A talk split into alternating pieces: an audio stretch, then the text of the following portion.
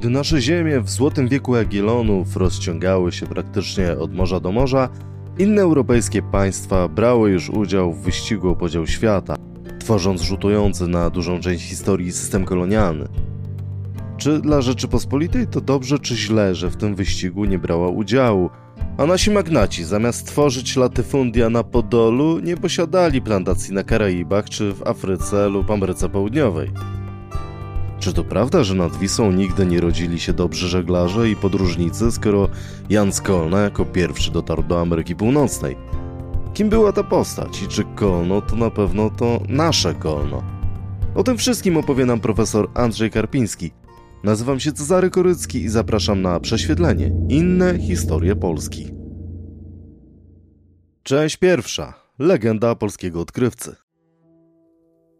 Aby się nie zdawało, że zbyt pochlebiam swoim i daję szczutka w nos historii, należy pokrótce ukazać, komu należy się sława odkrycia tego kraju borealnego. Nie przysługuje ona Hiszpanowi, Portugalczykowi ani Francuzowi, gdyż Polak to Jan Skolnus dotarł tam. Zaszczyt ponownego odkrycia tej ziemi przypadł Janowi Skolnus, Polakowi, który żeglując w roku 1476 wypłynął poza Norwegię, Grenlandię, Fryzlandię, wpłynął na Morze Północne i dopłynął pod samym kręgiem polarnym do owych ziem Labradoru i Estotilandii. Panie profesorze, czym by była profesja historyka bez ważnego zadania, jakim jest rozwiewanie legend, bajek i nawet fake newsów? Przed chwilą usłyszeliśmy zagraniczne XVI-wieczne relacje Francuza Franciszka de Belleforest i Flamanda Corneliusza Whitfielda. Jak to było z tym Janem Skolna? No, y, niewątpliwie dla historyka y, zadaniem bardzo interesującym jest właśnie konfrontowanie rzeczywistości z, z rozmaitego typu mitami, które no, mają jakiś. Y, każdy mit ma pewną podstawę, ale, czy on, ale niekoniecznie musi być prawdziwy. Mm, wracając do tej sprawy y, bardzo dyskusyjnej, powiedziałbym, i budzącej duże emocje i długo te emocje do dnia dzisiejszego nierozwiązane, mianowicie o tak zwanych przedkolumbijskich odkrywcach Ameryki, bo to tego dotyka. Abstrahuję w tej chwili od y, Normanów, bo Normanowie, to już wszyscy wiemy, że byli wcześniej, ale o nich w tym momencie nie mówimy. Mówimy o bezpośrednich poprzednikach Kolumba. Przypominam, Kolumb y, dopłynął do, do y, kontynentu, a właściwie do Wysp Karaibskich w 1492. Natomiast sława, którą potem okryli się i Kolumb, i potem Hiszpanię spowodowała, że zaczęto poszukiwać poprzedników, jak gdyby osoby, które mogły przed tym Kolumbem tam dotrzeć. No, y, Francuzi mieli takiego cousin z Dieppe. On miał około 1488 roku dotrzeć do nowego kontynentu, co jest e, autentycznie y, apokryfem. Hiszpanie szukali tak zwanego Sancheza. Sanchez to miał być taki nieznany pilot, który, który umierając przekazywał Kolumbowi informacje o tym, co jest za Atlantykiem, gdzie miał być no, też przed tym Kolumbem. No z tym, że najbardziej, e, najbardziej taką nośną historią jest historia wyprawy, która rzeczywiście się odbyła. To była wyprawa z 1476 roku. E, wyprawa duńsko-portugalska, można powiedzieć pod kierownictwem y, takich właśnie niemieckich y, dwóch y, żeglarzy, prawda, Pininga Podhorsta, a także Portugalczyka João Vaz Cortereala, notabene ojca wybitnych późniejszych dwóch braci Corterealów, którzy rzeczywiście penetrowali, ale już, już dużo później penetrowali wybrzeża Ameryki Północnej. Ta wyprawa, w tej wyprawie brał udział także sternik, właśnie Jan Skolwus, Jan Skolwus czy Jan, Jan Skolw. Mówię dlatego y, jego różne y, określenia, ponieważ y, pisownia tego nazwiska podawana jest w 20 rozmaitego typu przemiankach. Dlatego też, że do niego się poczuwa bardzo wielu, prawda? Islandczycy chcieliby, żeby to był, prawda, Islandczyk. Portugalczycy uważają, że ten Jan Skolwus to jest nie kto inny, a ten João Vaz de Corte Real. No ale także, prawda, mm, ten Jan Skolwus został w, jednej z, w jednym ze źródeł przeinaczone zostało jego nazwisko na, na Skolnus. Jan Skolnus. Jan Skolnus i to dał asumpt y, Joachimowi Lewelowi, no jednego z najwybitniejszych wczesnych historyków polskich, do tego, żeby stworzyć historię y, Jana Skolna, Polaka, który miał przed Kolumbem w tym 1476 roku dotrzeć do Ameryki, do Ameryki Północnej, w zasadzie do Grenlandii, bo ta wyprawa Pinninga, Podhorsa i Corterala tak naprawdę dotarła do Grenlandii, no ale Grenlandię liczymy do kontynentu amerykańskiego. Z tego Jana Skolnusa, z Kolwusa zrobił Jana Skolnusa. Jana Skolnusa. Jan Skolnus, z tego wyrósł Jan Skolna, chociaż tutaj level naciągnął, ponieważ gdyby to było po łacinie, to byłby dekolno, a nie Skolna. Niemniej, prawda, w ten sposób y, została nagłośniona postać Jana Skolna, przedkolumbijskiego odkrywcy Ameryki, Polaka, notabene jest to ważne, XIX wiek nie ma, nie ma państwa polskiego, a mamy taką wybitną postać. No i późniejsze polemiki doprowadziły do tego, że wyraźnie udowodniono, że ten y, y, Jan Skol, Skolwus to nie jest Jan Skolna. Niemniej legenda dnia, długo żyła i do tej pory są są historycy, są powiedzmy sobie miłośnicy historii, którzy uważają, że rzeczywiście ten Jan z Kolna, Kolno to jest takie miasteczko na pograniczu Mazowsza i, i Podlasia, że on rzeczywiście jest postacią historyczną, niedocenioną, ma nawet gdzie pomniki czy ulice. No, natomiast jest to tutaj powiedzmy sobie sytuacja przedziwna, ponieważ postać jest zupełnie fikcyjna. Najprawdopodobniej, najprawdopodobniej to był Duńczyk. To był, I to jest największe, największe prawdopodobieństwo, sternik duński, y, który w tej wyprawie udział brał. Ale to jest właśnie taki przykład, kiedy no, historycy no, najpierw tworzą jakąś ideę, a potem trzeba to, prawda, weryfikując, no, trzeba z tym się w jakiś sposób rozprawić. Duńczycy, Portugalczycy przede wszystkim, Hiszpanie, y, Genełęczycy, y, Katalończycy, Francuzi, Brytyjczycy. Wszyscy gdzieś podbijali dalekie lądy, dobrze czuli się na oceanach. A czy słuszne jest stwierdzenie, że Słowianie, a później mieszkańcy Królestwa Piastów, to ogólnie mogą być nazwani jednak takimi szczurami lądowymi? No więc powiem tak, to nie, to nie jest prawdziwe.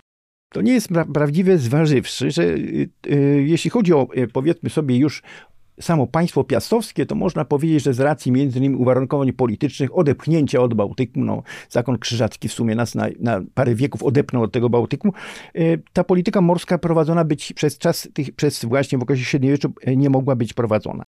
Natomiast jeśli chodzi o Słowian zamieszkujących Pomorze, czy tak zwane Połabie, czyli tutaj właśnie pomiędzy ujściem Odry a ujściem Łaby, to były plemiona też słowiańskie, które tutaj przybyły w VI, VII na początku VIII wieku i które właściwie do połowy XII wieku prowadziły bardzo aktywną politykę e, politykę e, bałtycką.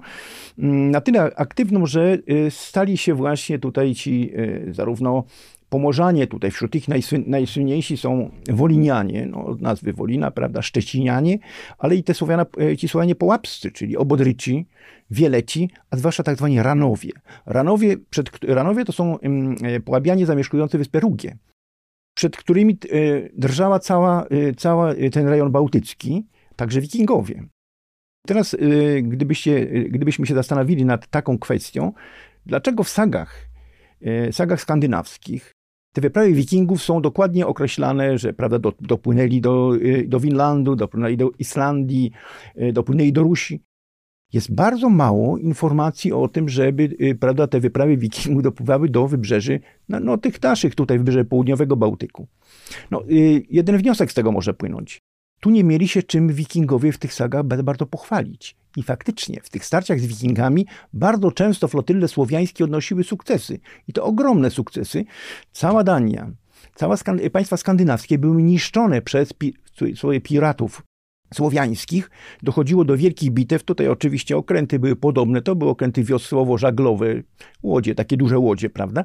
Niemniej e, trzeba pamiętać, że to właśnie że to właśnie Słowianie poniszczyli e, i pozdobywali bardzo ważne punkty, na przykład Roskilde.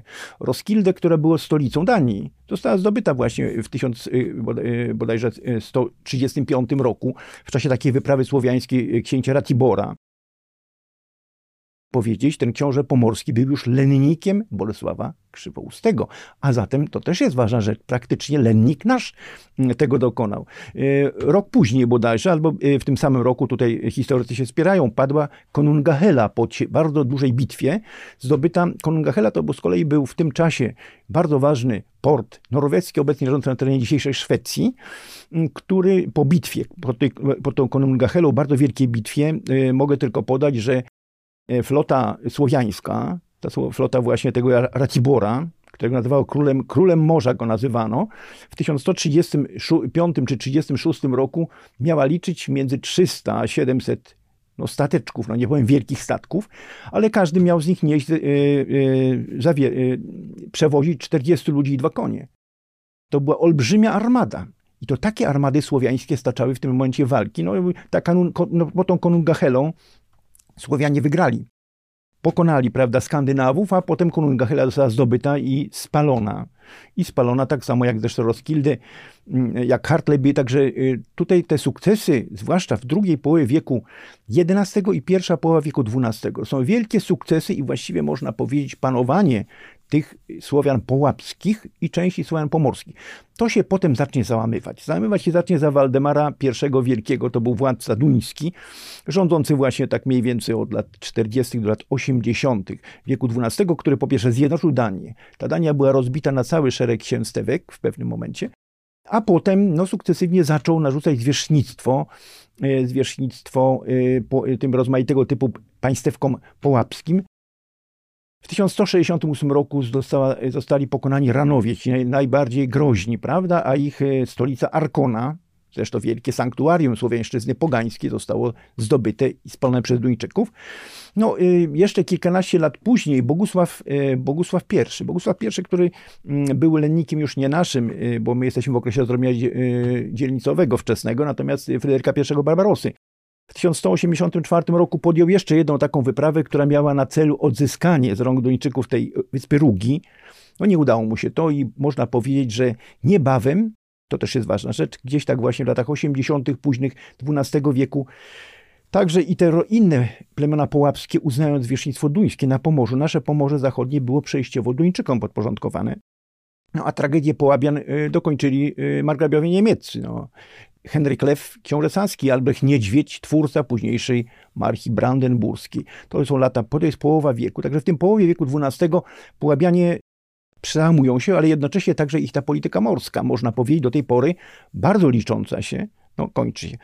Później mamy rzeczywiście, y, y, trudno powiedzieć, że prowadzimy politykę morską jakąś wielką, aczkolwiek no, w okresie wojny trzynastoletniej przypomnę, że to już może nie, nie flota polska, ale gdańszczanie Elblążanie stoczyli bardzo poważną bitwę na Zalewie Świeżym z flotą krzyżacką w 1463 roku i wygrali tą bitwę. Wygrali tą bitwę, bitwę, która właśnie zadecydowała ostatecznie o sukcesie strony polskiej w wojnie trzynastoletniej. To może tak mniej więcej zakończył tutaj ten okres średniowiecza. No i jednocześnie bym tutaj wyraźnie stwierdził, że ci Słowianie nie zupełnie tak się odsunęli od, od, od tego morza, prawda? No. Kończy się średniowiecze i koniec tego okresu wyznaczają wielkie odkrycia geograficzne. Czy nazwisko jakiegoś mieszkańca Królestwa Polskiego powinniśmy pamiętać, powinniśmy znać kogoś, kto brał udział w jakichś wyprawach? Tak, tu ja właściwie y, wskazałbym dwie postacie, które są niewątpliwie postaciami nietuzinkowymi. Mm, pierwsza z tych postaci jest znaną, jest to znana, znana y, postać, mianowicie mam na myśli y, Krzysztofa Arciszewskiego. Krzysztof Arciszewski, no jedyny można powiedzieć nawet konkwistador polski epoki wielkich odkryć, był Arianinem, no, pochodził z Rogalina spod Poznania, od młodych lat y, y, taką, y, powiedzmy sobie, zaczepnym charakterem charakteryzował się na tyle, że niezależnie od tego, że szkoły różne kończył, to także już w latach dwudziestych wieku XVII został za zabójstwo skazany na, na banicję i musiał opuścić Rzeczypospolitą. Udał się do Holandii i tam studiował inżynierię wojskową i artylerię. Okazał się bardzo zdolnym w tych dziedzinach. Potem walczył w kilku tam starciach zbrojnych y, w, w, tych etapach y, związanych z początkiem wojny 30-letniej, więc walczył pod Bredą. Potem brał udział w oblężeniu Roszeli. Pamiętamy z trzech muszkieterów, pamiętamy walki kardynała Richelieu pod Rochelą. No tutaj walczył, prawda, on po stronie obozu katolickiego, także mu nie przeszkadzało jego wyznanie ariańskie w tym momencie. Walczył z hugenotami y, pod Rochelą. Jego, jego sława, lokalna sława spowodowała, że mm, po pierwsze zdjęto z niego ten wyrok banicji ale nie wrócił na razie do Rzeczypospolitej. Natomiast y, Holendrzy zaciągnęli go do swojej, do swojej kompanii zachodnioindyjskiej. To była taka wielka instytucja, która miała mm, monopolizować faktycznie i budować imperium holenderskie na, teren, y, na terenach nadatlantyckich. I w Afryce zachodniej i na terenach Ameryki. Rzeczywiście miała ona na początku wielkie sukcesy, by wskazać, że właśnie jeden z z kapitanów tej kompanii zachodnioindyjskiej, nie wschodnioindyjskiej, która była silniejsza ekonomicznie, która budowała imperium holenderskie tam, gdzie potem mamy Indie holenderskie i Indonezję, prawda? Ale, ale to zachodnioindyjskie nazywał się Piet Hein i uwaga, ten Piet Hein w 1628 roku po bitwie pod Matanzas na Kubie zdobył całą srebrną flotę hiszpańską. To chyba jako jeden z nielicznych zdobywców, prawda, którym się to udało, no to były gigantyczne pieniądze. To naszacowane było na 15 milionów guldenów, wtedy to jest jakaś kolosalna kwota. Z tych pieniędzy można było finansować potem wyprawy i, i próbę budowy tutaj właśnie imperium kolonialnego w Ameryce i tak też się stało. Jeszcze Piet Hein, w tysiąc, jeszcze przed tą bitwą pod Matanzas, już w 1624-5 roku, Holendrzy wylądowali na terenie Brazylii Wschodniej i tutaj, e, prawda, zaczęli, e, zaczęli e, no, pierwsze swoje faktorie budować. Dlaczego tutaj? Dlatego przede wszystkim, że Portugalia w tym czasie jest powiązana Unią Personalną z Hiszpanią, a Holendrzy cały czas toczą walkę z Hiszpanią. To jest ta słynna wojna 80-letnia. Z tym, że łatwiej było im atakować kolonie portugalskie, w tym momencie mniej bronione przez Hiszpanów niż kolonie hiszpańskie, bronione lepiej. I dlatego to uderzenie na Brazylię. Brazylia, która nie miała co prawda złota i srebra, ale miała trzcinę cukrową i melasy. Ten cukier był na wagę złota, można powiedzieć. I tu się zaczęło w latach dwudziestych. I dlaczego o tym wszystkim mówię? Dlatego, że właśnie w służbie kompanii zachodnioindyjskiej Arciszewski pojechał do Brazylii. Pojechał do Brazylii i ten jego y, pobyt w Brazylii, przerywany powrotami do Holandii, trwał dekadę od 1629 do 1938 roku. On by, y, przebywał w tej Brazylii. No tam zasłynął jako znakomity strateg, dowódca, radził początkowo znakomicie tam y, opanowywać te kapitanie, to były takie jednostki administracyjne portugalskie. W pewnym momencie został przez Holendrów y, wyznaczony jako naczelny dowódca wszystkich wojsk holenderskich walczących w Brazylii i naczelny admirał floty holenderskiej. Y, na przeszkodzie stanęły mu ambicje Maurycego von Nassau-Ziegen z Domorańskich, który został gubernatorem tzw. Tak Nowych Niderlandów, czyli tej części Brazylii, którą udało się Holendrom w latach 20. i 30. za sprawą m.in. Arciszewskiego opanować. Ten się nie zgodził na to, żeby ktoś mógł być na tak eksponowanym stanowisku. I to spowodowało, że Arciszewski, no mimo tego, że go tam uproszono, że wy, wybijano jakieś tam medale na jego cześć w Holandii, zdecydował się ostatecznie wyjechać z tych Nowych Niderlandów. Niemniej tutaj no, y, zasłużył się bardzo do budowy Nowych Niderlandów, a Maurycy van Nassau-Ziegen ostatecznie w 1644 roku zrezygnował z tego gubernatorstwa, a dekadę później Nowe Niderlandy faktycznie przestały istnieć. Dla Holendrów w tym rejonie pozostało, ale troszeczkę wyżej, tylko kawałek późniejszej Gujany płyta Gujana holenderska. Także tylko to im zostało z tego, y, y, co, z tego, co posiadali, a było to stosunkowo dużo. Co za Ciszewskim jeszcze dwa słowa później. On wrócił do Rzeczypospolitej. Władysław IV w 1646 roku mianował go starszym nad armatą, taka to była funkcja. Innymi słowy, dowódcą artylerii koronnej został. Całej artylerii koronnej wszystkich arsenałów zbrojnych. Podobno ta artyleria koronna za, za czasów Arciszewskiego nie była nigdy nie, nie było innego okresu, kiedy ona była na tak dobrym e, poziomie. No niestety potem wybuchło powstanie Chmielnickiego. Tutaj Arciszewski brał udział w walkach początkowo, między innymi fortyfikował Zbaraż. No państwo, nie trzeba tutaj tłumaczyć, prawda, co to był ten Zbaraż i co to były walki pod Zbarażem z 1649 roku. Później wycofał się z tej armii, zmarł w 1656 roku. No, tyle jeśli chodzi o tego polskiego konkwistadora. Inną postacią zupełnie był Michał Boim. Michał Boim, pochodzący z, z Lwowa, z rodziny takiej e, węgierskiej osiadby od, od wielu, wielu dekad w Lwowie, który, e, e, który po prostu w pewnym momencie wybrał karierę duchowną. On wstąpił do zakonu jezuickiego, potem, prawda, przeszedł nauki w tym zakonie jezuickim i ogarnięty chęcią prowadzenia misji, zagranicznych wyjechał z Portugalczykami w latach 40. XVII wieku, no tak jak tutaj e, Estado da India z Portugalii się układało, czyli przez Mozambik i dalej, prawda, przez, e, aż na daleki wschód pojechał. Już, już w Mozambiku opisał ten Mozambik w sposób znakomity i opisał Kafrarię jako pierwszy w ogóle. Kafraria to jest taki teren leżący pomiędzy Cape Land, pomiędzy przodkiem Dobrej Nadziei a rzeką Zambezi po wschodnim wybrzeżu, więc on jako pierwszy opisał to. Opisał wyspę Mozambik bardzo pięknie, ale potem udał się do Chin i tam właśnie tą akcję misyjną w Chinach prowadził, między innymi na wyspie Hainan. W Chinach w tym czasie sytuacja była bardzo ciekawa, mianowicie to jest moment, kiedy dynastia Ming rządząca, długo no kończy się ta dynastia Ming, Znaczna część Chin zajęta jest przez Mandżurów, przez dynastię mandżurską późniejszą. Natomiast ostatni epigon taki tej dynastii e, e, Ming nazywał się Yungli. On w pewnym momencie zaczął skłaniać się ku katolicyzmowi.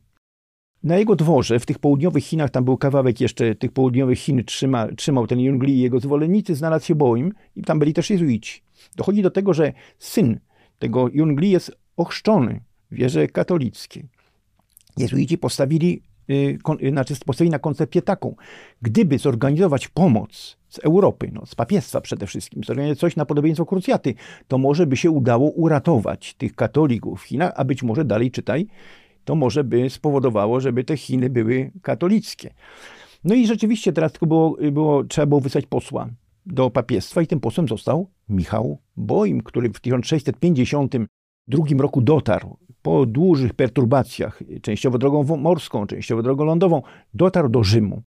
No i niestety w tym Rzymie tutaj papież Inocenty X nie chciał mu wierzyć. Trzy lata prawie czekał na audiencję u papieża. E, ostatecznie następca tego Inocentego X, Aleksander VII Kiji, zdecydował się dać odpowiedź i Boim wrócił z tą odpowiedzią, ale wrócił już było za późno. On tam, prawda, znowu, to, te, te, wyprawy na Daleki Wschód trwały lata całe. On dosta, dotarł tam w momencie, kiedy ostateczne te starcia zbrojne z, z tymi Mandżurami zakończyły się dla Jung, Jungli porażkami. No sam Boim już w 1659 roku do, y, nie dotarł do tego Jungli, prawda, tam nie mógł się do niego przedrzeć, zmarł w czasie tej wyprawy. Pozostawi po sobie bardzo bogatą spuściznę, między innymi wspaniałe y, opisy flory chińskiej, kartografii chińskiej, no bo to jednocześnie był wysoki y, wielkiej klasy naukowiec, można powiedzieć. Część tych materiałów w dalszym ciągu w archiwach watykańskich pozostaje. No, y, tutaj kogo by można jeszcze było wskazać? To jest to prawda okres już nie odkryć geograficznych, ale takich bardzo późniejszych odkryć. To byłby niewątpliwie Maurycy Benioski. Postać e, nietuzinkowa, co prawda z pochodzenia e, Słowak, bo on się urodził e, na terenie Słowacji, ale postać bardzo, bardzo charakterystyczna, do której zresztą potem w pewnym momencie, także już po odzyskaniu niepodległości, do jego tradycji madagaskarskich będziemy nawiązywać. Mm, jeśli chodzi o tego Maurycego Beniowskiego, on, jako, on się przyłączył do Konfederacji Barskiej. Został, został ranny, dostał się do niewoli rosyjskiej i w 1000 chyba 769 albo 70 wywieziony daleko, bo aż na Kamczatkę. No ale Benioski to Benioski. Benioski zorganizował zesłańców, poniósł bunt na Kamczatce, opanował y, to miasteczko, w którym był osadzony i tam zdobył okręt razem z tymi zesłańcami w 1771 roku. Porwali ten okręt i popłynęli wzdłuż wysp kurylskich, Japonii, Tajwanu do Makału. Makału było posiadłością, jak wiemy, portugalską. Tam spieniężono okręt, prawda? I stamtąd potem, e, chyba do 1773 roku, ci, którzy chcieli, wrócili do Europy, do Francji. Ta wyprawa była na tyle śmiała, że przyniosła wielką sławę Beniowskiemu, na tyle wielką, że on, a on płynąc w międzyczasie zahaczył o ten Madagaskar. I ten Madagaskar mu się spodobał, ta wyspa Madagaskar mu się spodobała. Ona jeszcze do końca nie była zagospodarowana w tym momencie. To była wielka, to jest wielka wyspa, prawda? O ile sąsiednie wysepki typu Mauritiusa czy, czy, czy Réunion były już y, podzielone, można powiedzieć, między państwa europejskie, to ten Madagaskar nie. I tutaj właśnie w 1773 roku Francuzi zwrócili oczy na ten Madagaskar i zorganizowali tam wyprawę, która miała y, zdobyć dla nich ten Madagaskar. Na czele tej wyprawy stanął Maurycy Mochnacki, Maurycy Beniowski.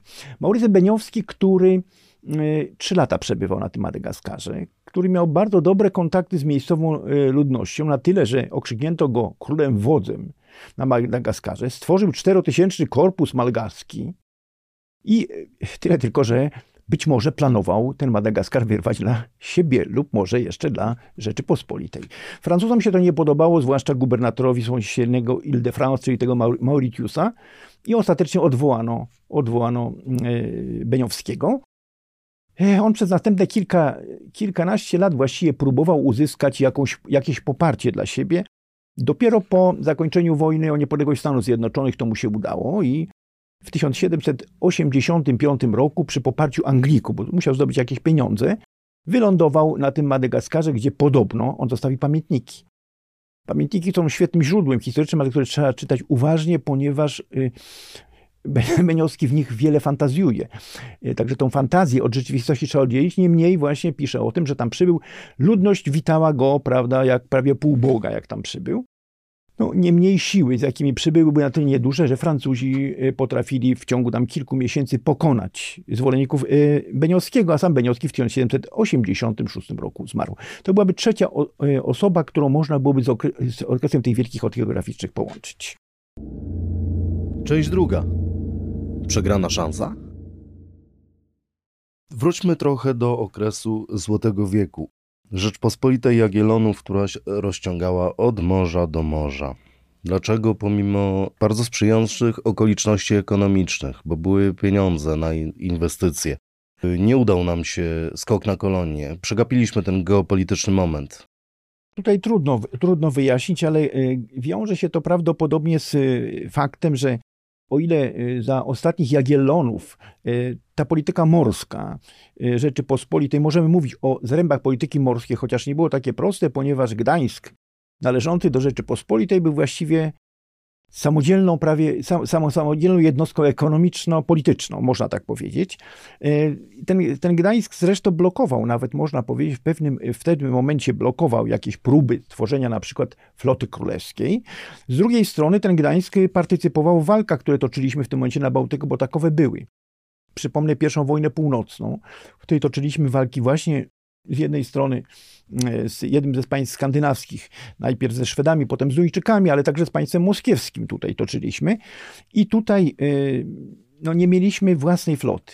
Flota kaperska, e, kaper to jest inaczej korsarz, czyli żeglarz, który działa w interesie jakiegoś monarchy, prawda, i uzyskuje od niego jak gdyby opiekę prawną. No więc tutaj y, gdańszczanie i elblążanie w mniejszej, y, mniejszej liczbie, no te okręty kaperskie gdańskie brały udział w tej walce, ale znowu gdańskie nie Rzeczypospolitej. Mm, to skończyło się, wojna skończyła się w 1570 roku, a potem ta flota kaperska uległa częściowo rozbiciu, częściowo rozwiązaniu. Mm, drugi raz do tej idei nawiązaliśmy y, w okresie wojen szwedzkich to za czasów Zygmunta III Wazy. Tu można powiedzieć, że takim elementem, który hamował nam możliwości rozwoju nad Bałtykiem była Szwecja. Jej dominacja, coraz większa dominacja nad Bałtykiem, przecież w pewnym momencie Bałtyk stał się morzem znaczy takim jeziorem szwedzkim. Brakowało mu niewiele, y, niewielu y, odcinków wybrzeży i stąd między innymi tak zwany potop szwedzki, prawda, bo to miało zakończyć ostatecznie zamykanie wszystkich wybrzeży bałtyckich w rękach Szwedów. No, ale ja wracam tutaj do innego okresu wcześniejszego troszkę. No pamiętajmy, że Zygmunt III Waza stworzył jednak takie zalążki floty królewskiej, która stoczyła taką bitwę na, na, nasze warunki sporą bitwę pod Oliwą e, w późną jesienią 1627 roku, w której to okręty królewskie no, pokonały tą flotę szwedzką, blokadę gdańska e, morską zniesiono. No tyle tylko, że była to bitwa no, na skalę lokalną. No, myśmy zdobyli jeden okręt szwedzki, a drugi zatonął. No, jeśli chodzi o wielkie bitwy, jakie toczyły się gdzie indziej, no to y, skala jest nieporównywalna ale niewątpliwie tutaj mm, ta dominacja Szwecji nad Bałtykiem była elementem, który uniemożliwiła. Inaczej by prawdopodobnie to wyglądało, gdybyśmy w tych walkach ze Szwedami no, nie oddali tych inflant i gdybyśmy tutaj właśnie nie zawierali tych niekorzystnych dla nas y, rozejmów, na przykład Altmarskiego, prawda, czy potem nawet ten w, Sztum, y, w Sztumskiej wsi, y, czyli w Sztumdorfie też nie był specjalnie korzystny. Z kolei Morze Czarne, nad Morzem Czarnym mamy Tatarów. Mamy Tatarów i Krym jest opanowany przez Tatarów i to, jest, to są z kolei wasale Turcji.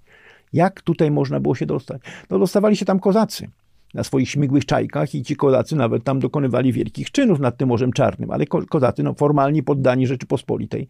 Ale znowu możliwości opanowania tam jakiegoś stałego punktu, który mógłby stać się miejscem, portem y, do, do y, zatrzymania się okrętów polskich, właściwie nie było. No i ciągłe walki z Turcją. No jednak w XVII wieku te, te wojny się nasilają z Tatarami cały czas. Te wojny, jak gdyby, one w pewnym sensie uniemożliwiają nam nawet rozwijanie takiej tej polityki. No, pewnym, pewną propozycją takiej właśnie działalności parakolonialnej były propozycje niektórych teoretyków, prawda, państwa polskiego z okresu y, wojen z państwem moskiewskim, z okresu Wielkiej Smuty, kiedy to rzeczywiście istniała pewna możliwość, że i tron carski zostanie opanowany przez przedstawicieli dynastii Wazów. I tam w pewnym momencie były nawet takie projekty, żebyśmy to przyjęli i dalej próbowali w tym kierunku jak gdyby rozwijać potęgę naszego państwa, w kierunku tym syberyjskim. No przypomnę, że właściwie od, lat, od lat 80. wieku XVI do lat 30. wieku XVII cała Syberia została formalnie podporządkowana państwu rosyjskiemu. To jest jedna z najbardziej trwałych następstw wielkich odkryć. Inne imperia się porozpadały, a tutaj jak widać, te drużyny kozackie pozdobyły to i to w dalszym ciągu jest y, y, tym elementem przewagi państwa obecnego, państwa rosyjskiego, jeśli chodzi o obszar, możliwości ekonomiczne i tak dalej. No, y, z tej koncepcji nic nie wyszło za sprawą innych względów politycznych. No tutaj, prawda, dosyć niejednoznaczna polityka Zygmunta III Wazy, potem, prawda, usunięcie Polaków z państwa moskiewskiego, podziały i tak dalej. Także to były te czynniki polityczne, można powiedzieć, w sporym stopniu zaważyły na, na tym, żeśmy nie, y, nawet nie, nie wychodzili z takimi koncepcjami tworzenia jakiegoś państw, silnego państwa morskiego. A co z postacią Jakuba Kettlera, który w roku 1651 ponoć proponował Janowi Kazimierzowi zorganizowanie wyprawy, armady. I był wtedy yy, nasz lennik właścicielem kolonii w Gambii. Tam może mogła być polska kolonia w Afryce Zachodniej. To jest bardzo ciekawa postać. Ten Jakub Kettler, e, chcę powiedzieć, jest, e, przypomnieć, że jest to wnuk Gottarda Kettlera, tego słynnego mistrza inflandzkiego, który złożył lenno Polsce e, z Infland i stał się tym księciem Kurlandii i Semigalii świeckim w 1561 roku. Jakub Kettler rzeczywiście miał duże ambicje tworzenia silnego państwa morskiego z Infland. Y, on rozbudowywał y, stocznie, on budował flotę, y, ekonomicznie wzmacniał, wzmacniał Kurlandię i Semigalię, gdzie rządził, no długo rządził, bo prawie 40 lat tam rządził, do początku lat 80. XVII stulecia. Proponował i Władysławowi IV wcześniej, prawda, w 1647, a potem Janowi Kazimierzowi, tak jak tutaj pan redaktor powiedział, taką koalicję stworzenia kompanii, a przede wszystkim wyekwipowania na koszt zresztą Inflandczyków, dużej floty, tam mówiło się o kilkudziesięciu okrętach i armii liczącej dziesiątki tysięcy ludzi, która miała pomóc właśnie opanować y, kolonie, no, dla Inflandczyków y, kolonie właściwie w sensie opanować handel. No, ale żeby móc handel opanować dale, daleko wschodni w tym momencie, no, trzeba było mieć punkty oparcia, czyli kolonie. Nasi, e, nasi monarchowie do tego się nie palili, no też się wiąże to troszeczkę z, z tym, że jest, już za Kazimierza mamy te wojny, wojny, powstanie Chmielnickiego, a potem wojna z Rosją i tak dalej. Natomiast sam Gotthard Kettel, niezależnie od tego, jak nie uzyskał pomocy Polski, zaczął szukać pomocy gdzie indziej. I tą pomoc znalazł u Anglików. Za cichym przyzwoleniem Anglii, a przypomnę, że właśnie od latach 1652-54 toczy się pierwsza wojna angielsko-holenderska y, za, za Cromwella. Tutaj Anglicy właściwie poparli jego wyprawę do zachodniej Afryki. I u ujścia rzeki Gambii w 1651 roku powstały pierwsze, pierwsze kolonie, pojawili się koloniści inflanccy, na wysepkach, dwóch wysepkach, które zostały wykupione od miejscowego ludu Kumbo, nazywał się ten lud, prawda? Notabene trzeba powiedzieć, że ci Irlandczycy, którzy tam y, wprowadzali chrześcijaństwo, nie katolicyzm, ale luteranizm, no bo y, to są luteranie, ale oni traktowali tych wozów lokalnych y, zupełnie przyzwoicie, na zasadzie partnerskiej. I tutaj tych kolonii, tych właśnie mm, osad, powiedzmy sobie, inflanckich powstało kilka w dolnym biegu rzeki Gambii. E, równocześnie w 1654 roku e, Gotthard Kettler wykupił od Anglików Tobago. Tobago to jest taka wysepka nieduża, leżąca koło e, Trinidadu, który był też angielski.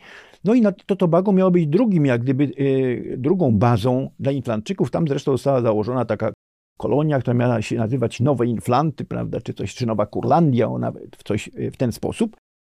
Tam też od lat 50., od połowy lat 50. zaczęli pojawiać się y, na tej wyspie, mm, pojawiać się y, koloniści z, z Infland i z Kurlandii. Tyle tylko, że te Tobago bardzo interesowało również Holendrów. Również Holendrów i Holendrzy też y, tak nieformalnie, ale to Tobago zaczęli z drugiej strony jak gdyby zasiedlać. To nie jest duża wyspa, ale możliwości takie były. Co by się dalej działo, gdyby nie druga wojna północna, czyli tak zwany potop szwedzki, trudno powiedzieć, ale ten potop szwedzki, on właściwie położył całą tą koncepcję Gottarda Kettlera, ponieważ Kurlandia została zajęta przez Szwedów. Kettler został internowany. No, aż do 1660 roku do pokoju oliwskiego właściwie przestało y, funkcjonować możliwość zarządzania tymi, tymi terenami zamorskimi. A w międzyczasie przede wszystkim Holendrzy, oni mieli największą ochotę na to i oni zajęli. Od razu w 1659 roku, jak Kettler został e, internowany, zajęli te tereny i, na, i zachodniej Afryce, i e, to Tobago. te tereny w zachodniej Afryce już właściwie ich, ich kweter nie odzyskał, tyle tylko, że przekazał je Anglikom w 1661 roku.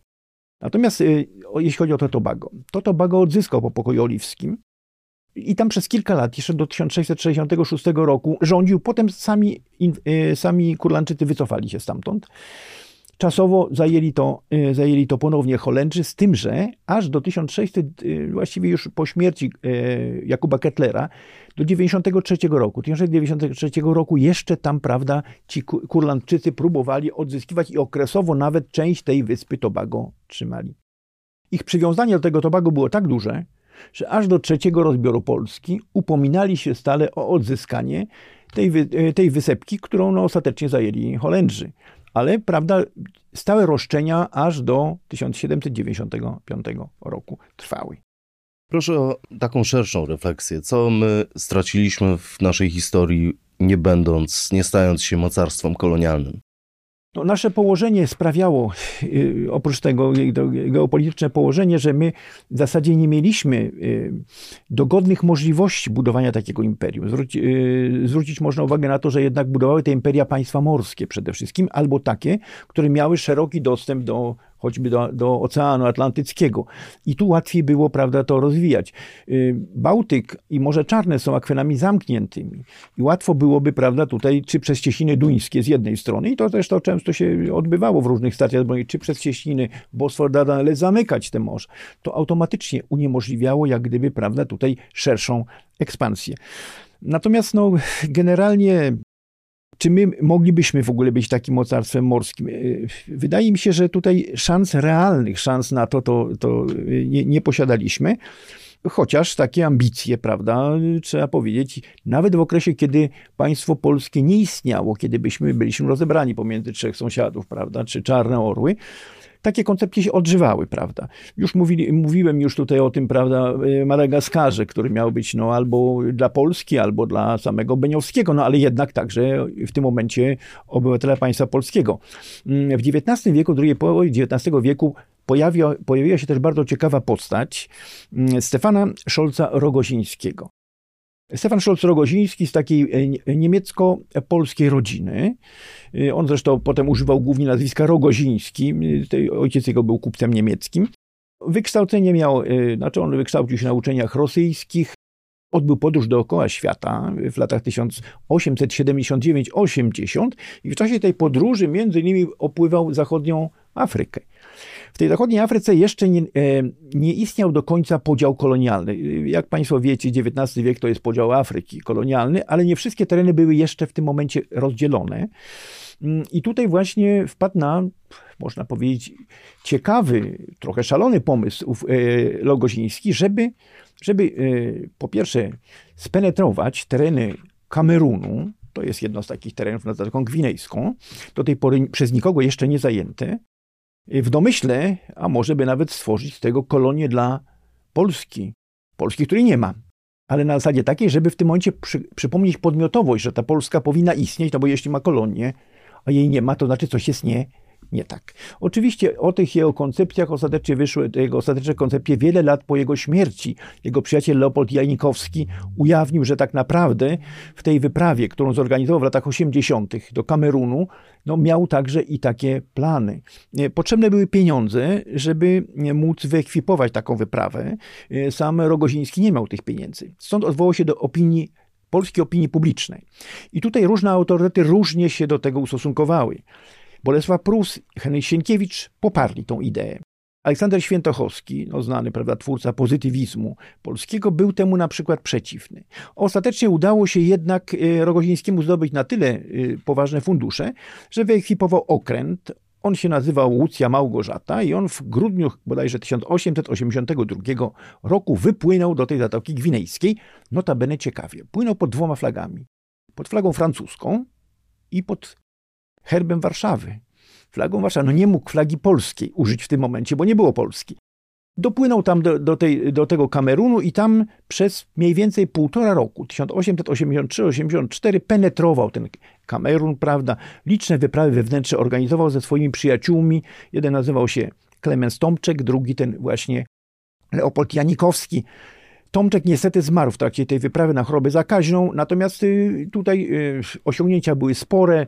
Y, to potem zostało wszystko w, w pracach geograficznych uwzględnione. W ten Kamerun rozpoznawany był nawet na ten wulkan Kamerun, tam prawda, wyprawa się odbyła na wysokość powyżej 4000 metrów. Tam też Rogoziński znalazł się. No niestety, niestety była to sytuacja taka, że Niemcy, które są to Niemcy właśnie w okresie po zjednoczeniu i po wielkich zwycięskich wojnach, Niemcy chcą mieć kolonie, nie mają tych kolonii. Zwracają swoje oczy na tereny jeszcze nieopanowane, a takimi terenami są Togo i Kamerun nad Zatoką Gwinejską między innymi. No i Niemcy tutaj zaczynają y, domagać się dla siebie tych terytoriów. W 1885 roku państwa europejskie wyraziły zgodę na to, żeby te, te terytoria przejęli Niemcy. No i Niemcy, oprócz tam innych, prawda, niemieckiej Afryki Wschodniej i Namibii, którą, późniejszej Namibii, y, te tereny opanowali. No, w tej sytuacji y, musiała zakończyć się ta ekspedycja podróżnicza. Szolca Rogozińskiego, który zresztą jeszcze czas jakiś w pobliżu przebywał. On tam y, wraz ze swoją żoną założył plantację na wysepce Fernando Po. To jest taka wysepka, która leży w Zatoce Gwinejskiej. No, ni niestety ta działalność plantacyjna też mu się nie udała. Ma w ogóle skończył życie w sposób gwałtowny i przedwczesny. Zginął pod kołami omnibusu. w 1891 roku. No ale jak już powiedziałem, już, już po jego śmierci ten jego przyjaciel, który długo żył, y, ujawnił właściwe y, zamiary Rogozińskiego, że to miała być kolonia dla polskich, Polski, której nie było. Część trzecia. Kolonialne ambicje sanacji. Program Zamorski Polski, przygotowywany w ciągu szeregu lat przez naszą organizację, został ustalony. Zmierza on w sposób zdecydowany ku zapoczątkowaniu akcji kolonialnej narodu i państwa naszego, a to w imię najżywotniejszych interesów gospodarczych i populacyjnych Polski. Dzisiaj, kiedy opracowaliśmy tezy dla naszej ekspansji kolonialnej i kolonizacyjnej, i kiedy stwierdziliśmy, że nie do pomyślenia jest, aby nadal polska gospodarka narodowa miała pozostawać w tak dużej, jak dotychczas, zależności od obcych, musimy się zdobyć na zapoczątkowanie stopniowego zrzucania hegemonii nad nami, obcych interesów ekonomicznych. Tak 90 lat temu pisał o ambicjach II Rzeczypospolitej magazyn Morze, wydawany, uwaga, w liczbie blisko 200 tysięcy egzemplarzy organ prasowy Ligi Morskiej Kolonialnej. To był jakiś fantazmat sanacji czy sensowny plan? No jest, jest to bardzo y, ciekawe, powiem, pytanie i ciekawe zagadnienie. Mm, jak wiemy, w 1918 roku już wiadomo było, że państwo polskie powstanie. Wiadomo też było, że państwa centralne doznają porażki. Kolonie niemieckie w Afryce były w tym momencie już zajęte przez Anglików. Wszystkie. No i urodziło się rodził się pomysł, że a może by to nowe państwo polskie jakiś z tych terytoriów może przejęło. No, do tego Kamerunu nawiązywano ideologicznie, na razie teoretycznie, czysto teoretycznie, chociaż już w 1918 roku pierwsze takie towarzystwa kolonialne, polskie towarzystwo kolonialne już wtedy powstało. 18 roku, kiedy jeszcze niepodległości tak naprawdę nie było. Innymi słowy, taka idea, żeby przyszłe państwo polskie mogło mieć kolonie, pamiętajmy, że w tym momencie y, to zależało także na prestiżu. Właściwie państwa nieposiadające kolonii w końcu XIX, w pierwszych 30 y, latach XX wieku, no były państwa jak gdyby drugiej, były państwami drugiej kategorii. Natomiast tutaj no, tendencje jakieś może jeszcze nie mocarstwowe, no ale takie, żeby odrodzone państwo polskie liczyło się, już wtedy się rodziło. Rodziło się przede wszystkim rzeczywiście, w, jak pan redaktor powiedział, w obozie późniejszej sanacji. No, po odzyskaniu niepodległości idea była w dalszym ciągu żywa i w 1924 roku Mariusz Zaruski, to jest wybitna postać, to jest wybitny generał, prawda, y, Piłsudczyk, y, twórca zresztą y, Tatrzańskiego Pogrzewia Ratunkowego, marynarz znakomity, zakłada, zakłada Ligę Morską i Rzeczną, tak to się na, nazwało, na, na razie nazywało, która miała właściwie dwa cele. Pierwszy cel to było umocnienie pozycji Polski nad morzem. Pamiętajmy, że myśmy odzyskali kawałek tego wybrzeża, prawda, z tym Gdańskim jako wolnym miastem jednakże, ale kawałek wybrzeża, że już zaczyna się budować port w Gdyni i chodzi o to, żebyśmy jednak także nad tym Bałtykiem umocnili się. Druga rzecz, y, która była stawiana, prawda, przez tą, y, przez tą ugrupowanie, tą organizację społeczną, to było właśnie próba y, znalezienia jakichś terytoriów, które można, może można byłoby odkupić, można byłoby skolonizować na terenie całego świata. Kilka lat później, w 1930 roku, zmienia się nazwa z Ligi Pol Morskiej Rzecznej na Ligę Morską i Kolonialną. No i na czele tej ligi prezesem zostaje Gustav Orlicz Drescher. Znowu postać wybitna. Generał Gustav Orlicz Drescher, jeden z najbliższych ludzi marszałka Piłsudskiego. To ten, który przeprowadził mu żołnierzy w czasie przewrotu majowego, tak naprawdę. Znakomity organizator. Znakomity organizator, czego najlepszym wyrazem jest fakt, że przed y, momentem jeszcze, y, kiedy jeszcze ta Liga Polska, y, Morska i Kolonialna nie powstała, no tam było 30-40 tysięcy członków, a w okresie, kiedy on był tym prezesem, to były lata 1930-36, w 1936 roku Orlik Drescher w katastrofie lotniczej zginął tragicznie, liczba członków liczyła już 500 tysięcy. Zwróćcie Państwo uwagę, to już nie jest mało. 500 tysięcy ludzi w organizacji społecznej. W 1939 roku było ich milion. Milion ludzi liczyła Liga Morska i Kolonialna. Istniał specjalny fundusz morski. Z tego funduszu morskiego, tak przez ciekawość można powiedzieć, że został między innymi zbudowany okręt podwodny nasz Orzeł. Jeden z najsłynniejszych naszych okrętów w okresie II wojny światowej. Wracając do mm, kwestii kolonii. No, zaczęto szukać terenu, gdzie można byłoby takie kolonie uzyskać. I tutaj kilka różnych y, terenów, prawda, wskazano i nawet podjęto pewne, y, ta Liga Morska i Kolonialna podjęła, y, kolonialna podjęła swoje mm, starania. Najwcześniej właściwie o Angolę. Angola w 1929 roku rozpoczęły się mm, rozmowy z rządem portugalskim o odkupieniu Angolii. Żeby Angolę, prawda, uzyskać, to jest zachodnia, y, południowo-zachodnia Afryka.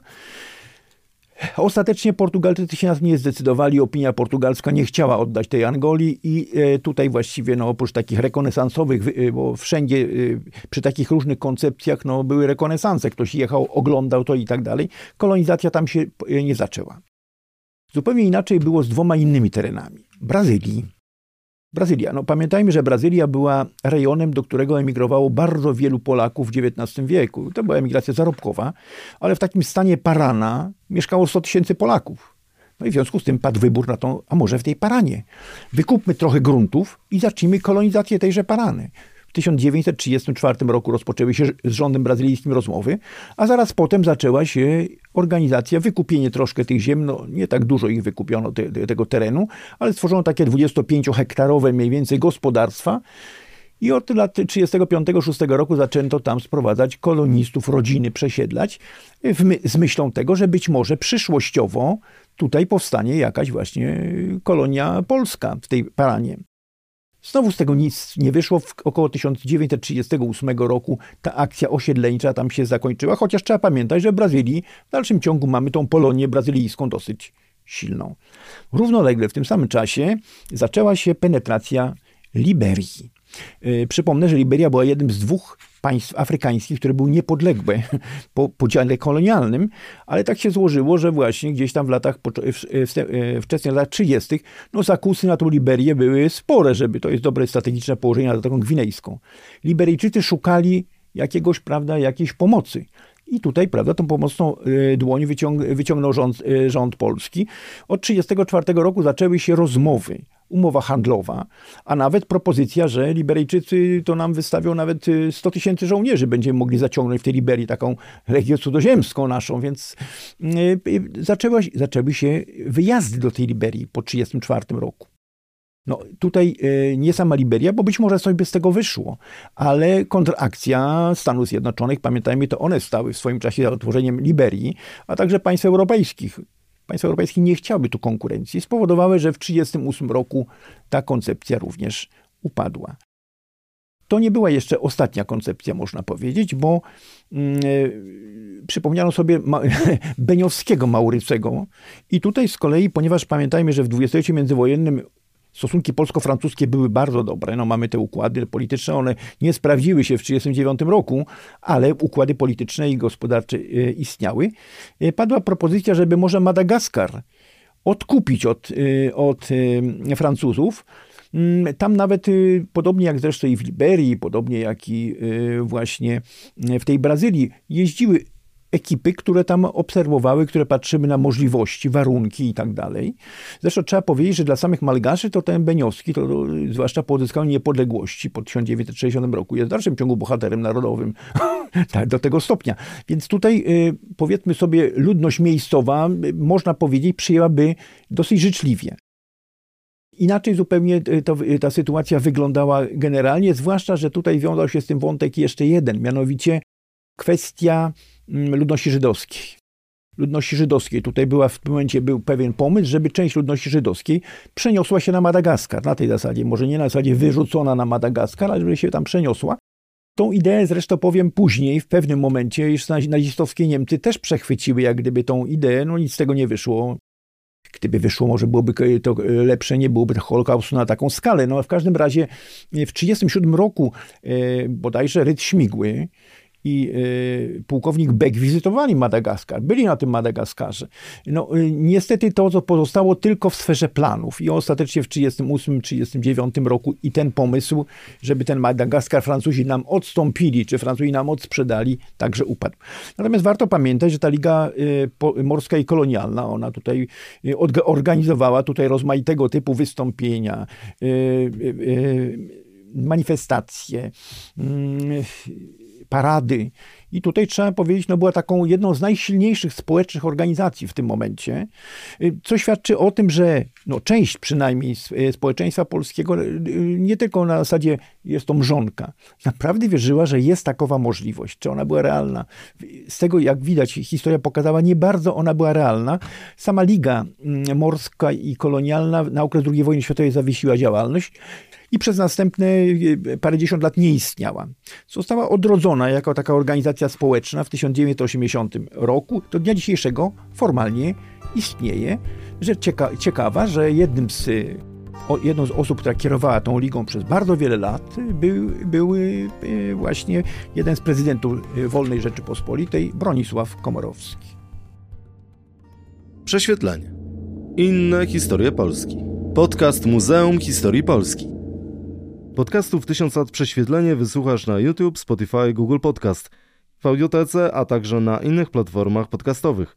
Chcesz być na bieżąco? Subskrybuj kanał Muzeum Historii Polski.